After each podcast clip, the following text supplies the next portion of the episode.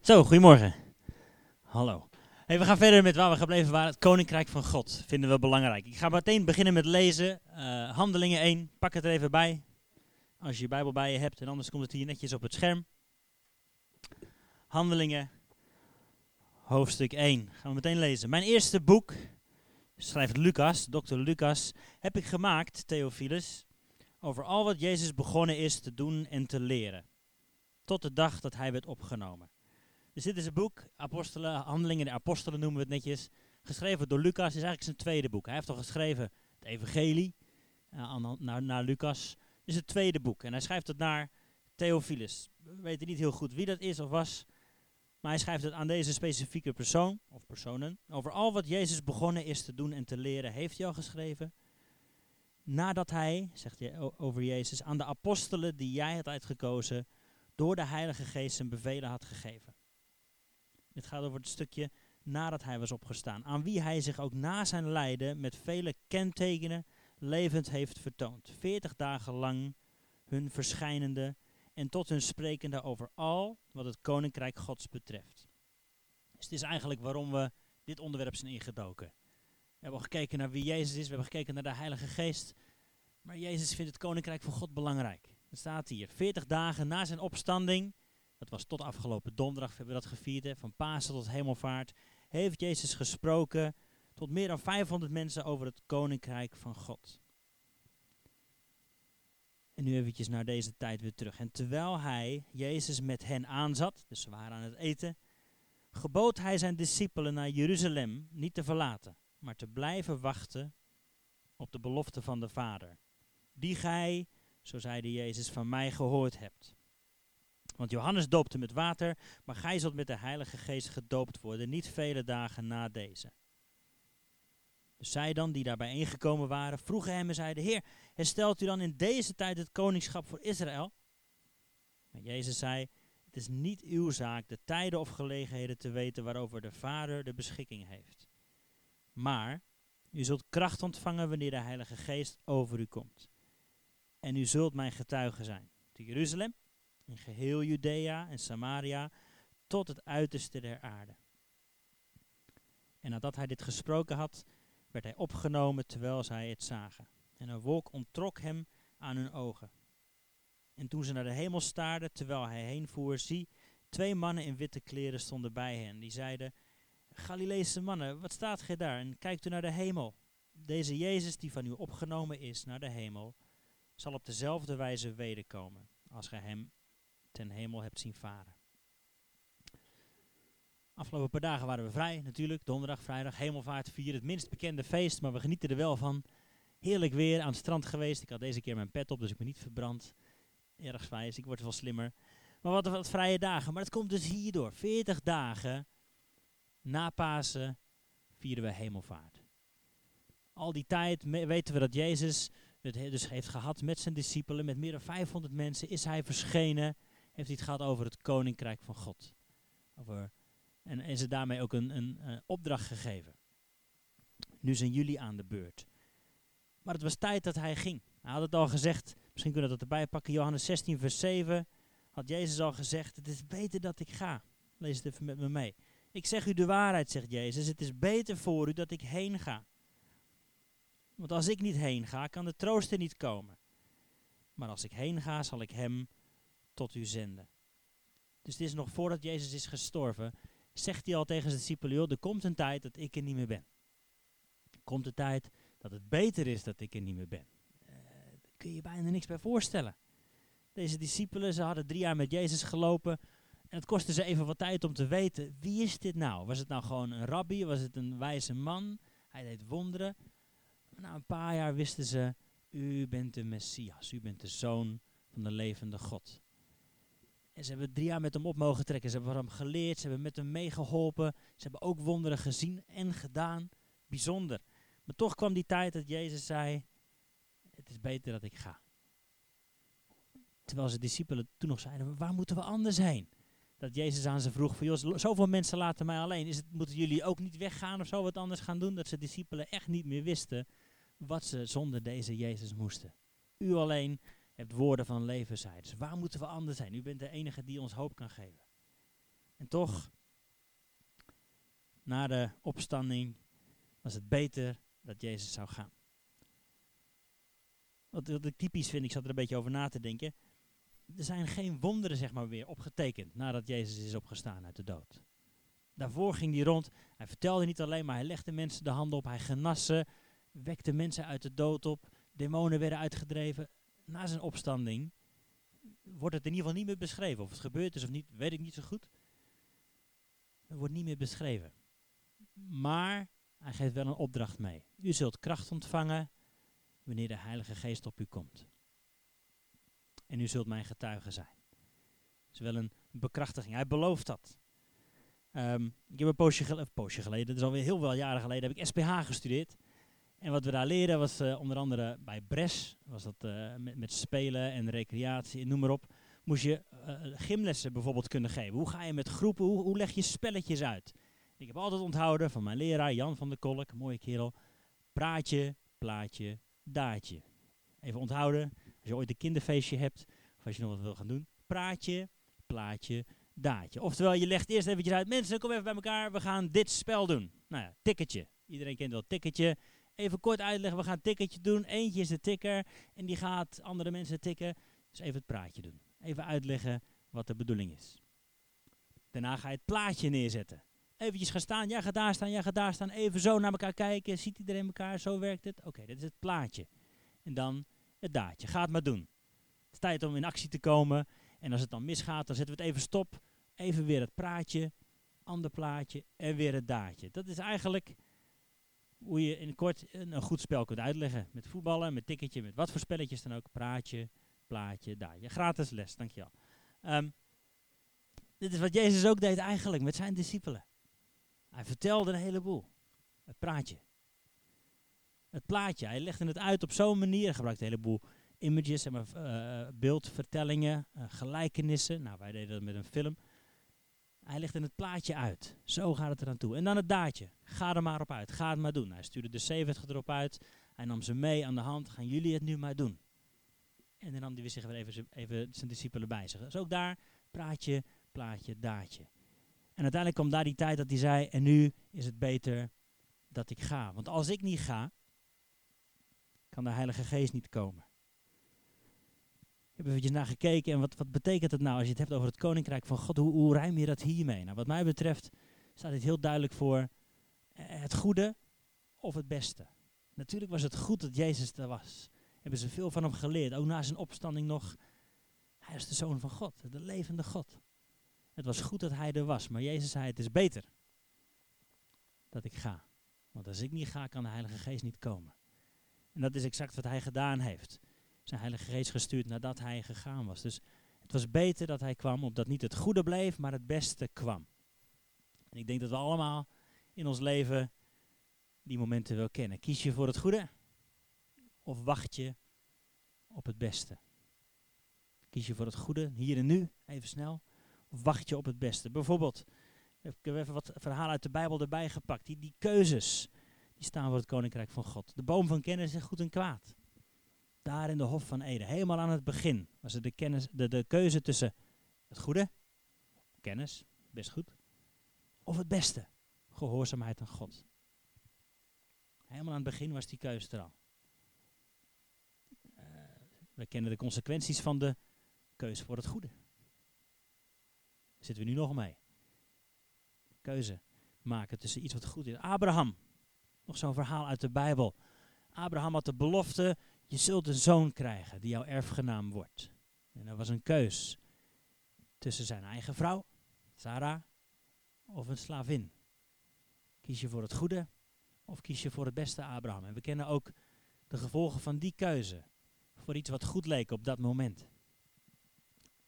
Hij koos voor een slavin om daar een zoon bij te verwekken.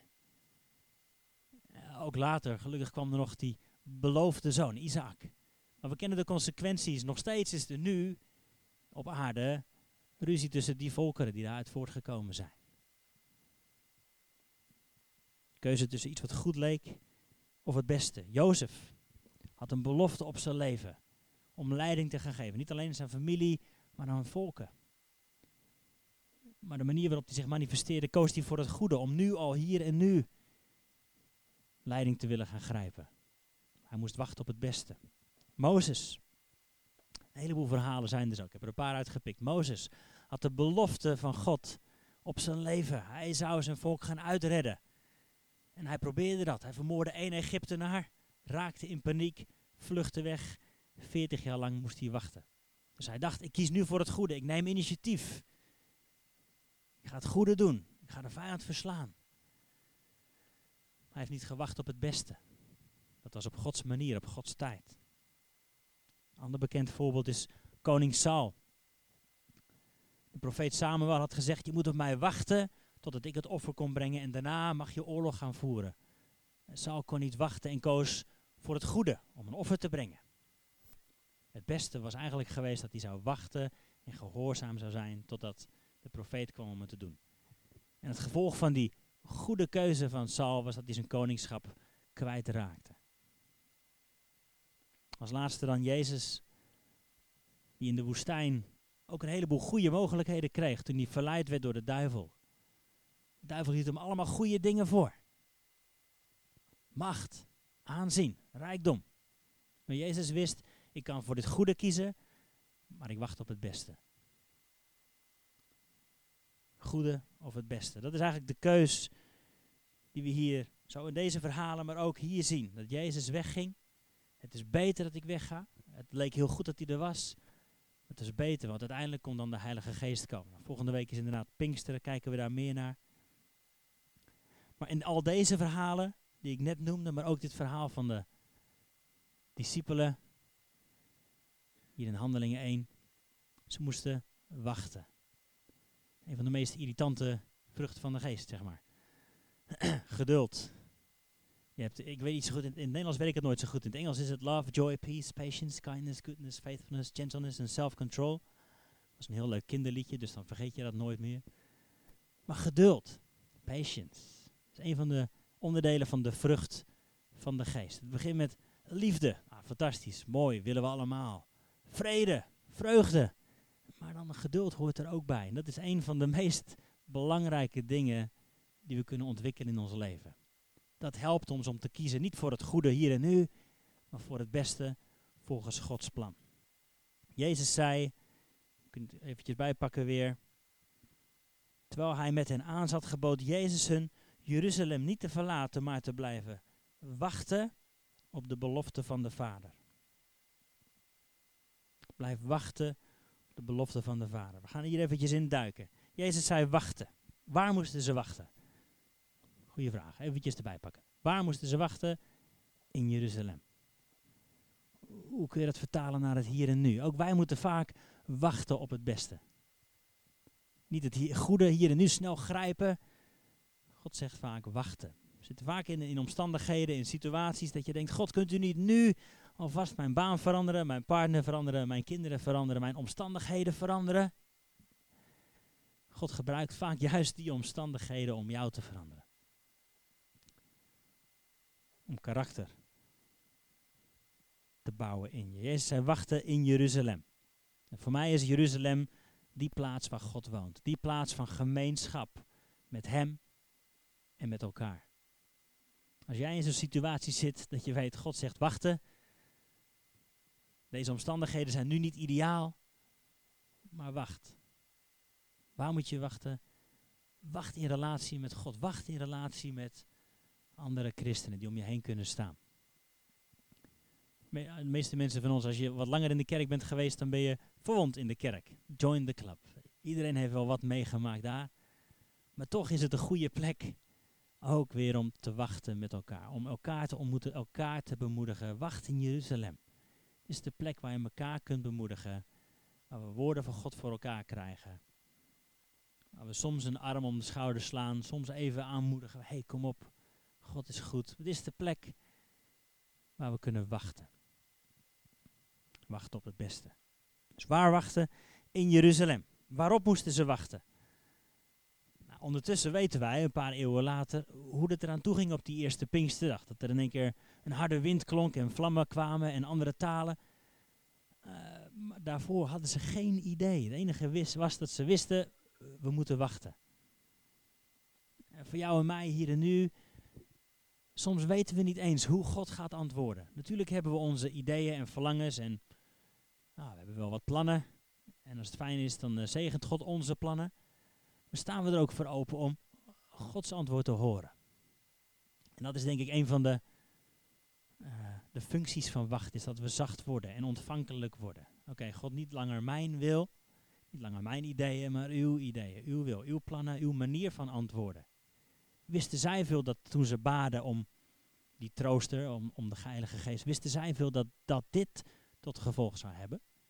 Dat ze in een keer die andere talen zouden gaan spreken, dat er een harde wind klonk, dat er vuur was, dat ze overenthousiast de straat op zouden rennen. Wisten zij veel? Nee, ze hadden geen idee.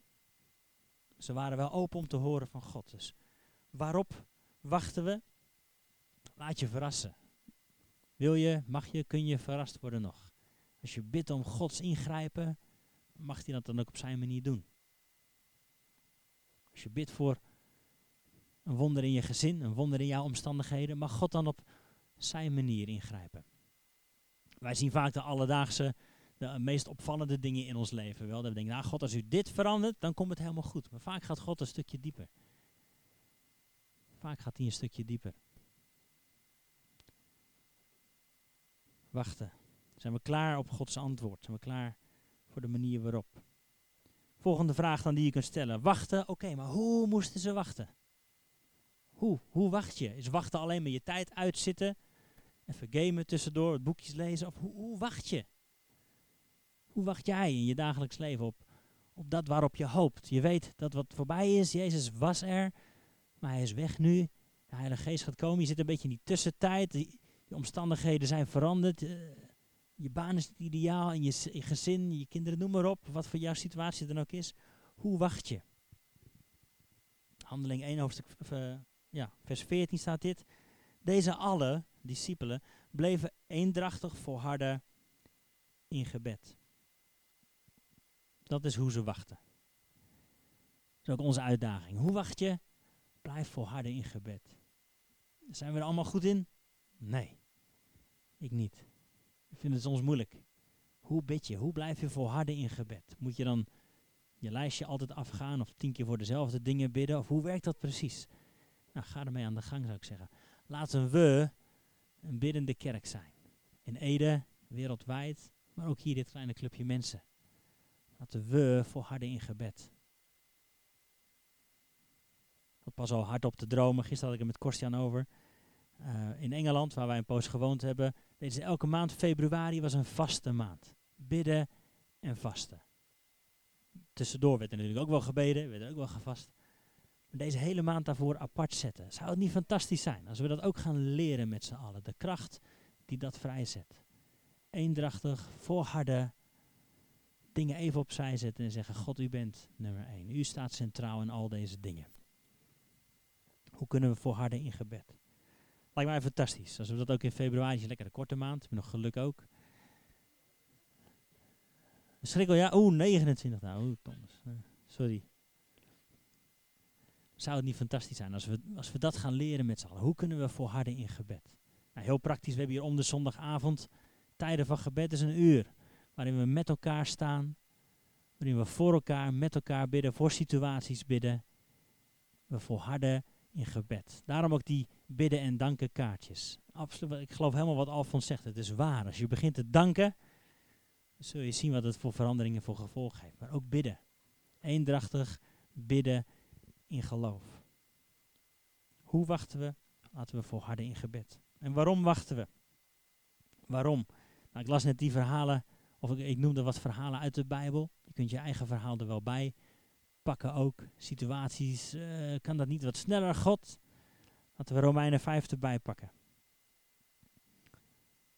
Waarin Paulus er eigenlijk een andere blik op geeft. Romeinen 5, vers 14 wil ik erbij pakken. Even zien. Mm -hmm. Zag je het wel goed? Vers 4, sorry. Romeinen 5, vers 4. Wij roemen ook in de verdrukkingen, zegt Paulus hier. We roemen in onze verdrukkingen, oftewel in de omstandigheden waarin je liever niet wilt zijn. Hier zijn we blij over, hier verheugen we ons over, hier roemen wij in, noemt hij dat. In onze verdrukkingen, omdat we weten dat die verdrukking volharding uitwerkt. En volharding beproefdheid. Noemde het pas al. Wie is er blij dat de, auto, de remmen van zijn auto af en toe eens getest worden? Dat is toch best prettig. Of welke andere dingen je ook gebruikt. Dat het getest wordt. Dat geldt ook voor ons. Gelukkig worden we soms beproefd. Kijken of we nog kunnen volharden. Volharding, beproefdheid. En die beproefdheid werkt hoop uit. En de hoop maakt niet beschaamd. Nog eventjes er doorheen. We roemen in onze verdrukkingen. Met andere woorden, we zijn blij met de tijden dat het even niet goed gaat, omdat we weten dat we juist in die tijden ons anker weer uitslaan naar boven. Onze hoop weer gaan vestigen op boven. Niet op onze eigen kunde, niet op onze omstandigheden. We gaan weer terug naar Jezus.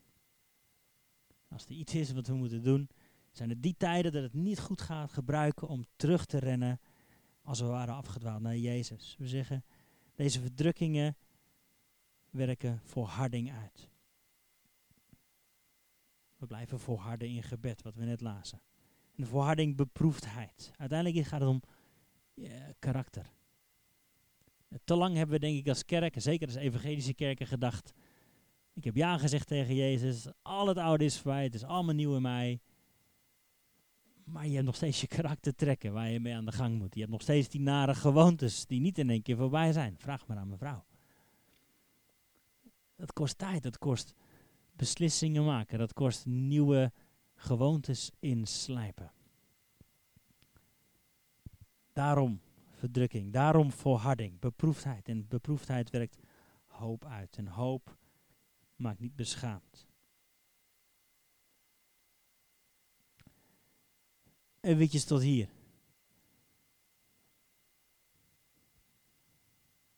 Jezus is weggegaan. Hij is naar de hemel gegaan. Het is beter, zegt hij, dat ik heen ga.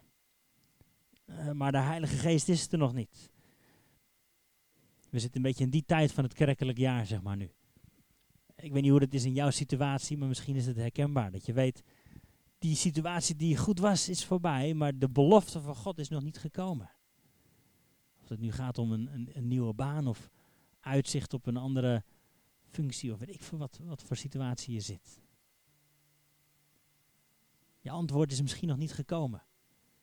Uh, hoe wacht je? Hoe wacht je? Ga je zitten mokken? Ga je zitten zeuren? Of zullen we het samen doen? Gaan we volharden in gebed? Gaan we opnieuw onze blik naar boven werpen? Zeggen, Jezus, uw manier. Uw manier van antwoorden, alstublieft. Hoe dat er dan ook uitziet. Misschien is het een harde windvlaag en tongen van vuur. Misschien is het een karaktertrek dat wat in jou verandert. Misschien is het... Misschien word je ontslagen. Weet ik veel. Kan ook een antwoord zijn op gebed. Dat je uit het nest wordt gegooid. God heeft aparte manieren van gebeden beantwoorden. Maar sta je er open voor om te horen wat hij wil gaan doen in je leven. Dit is het koninkrijk van God. Kiezen we het beste boven wat ook wel goed lijkt. Zullen we gaan staan?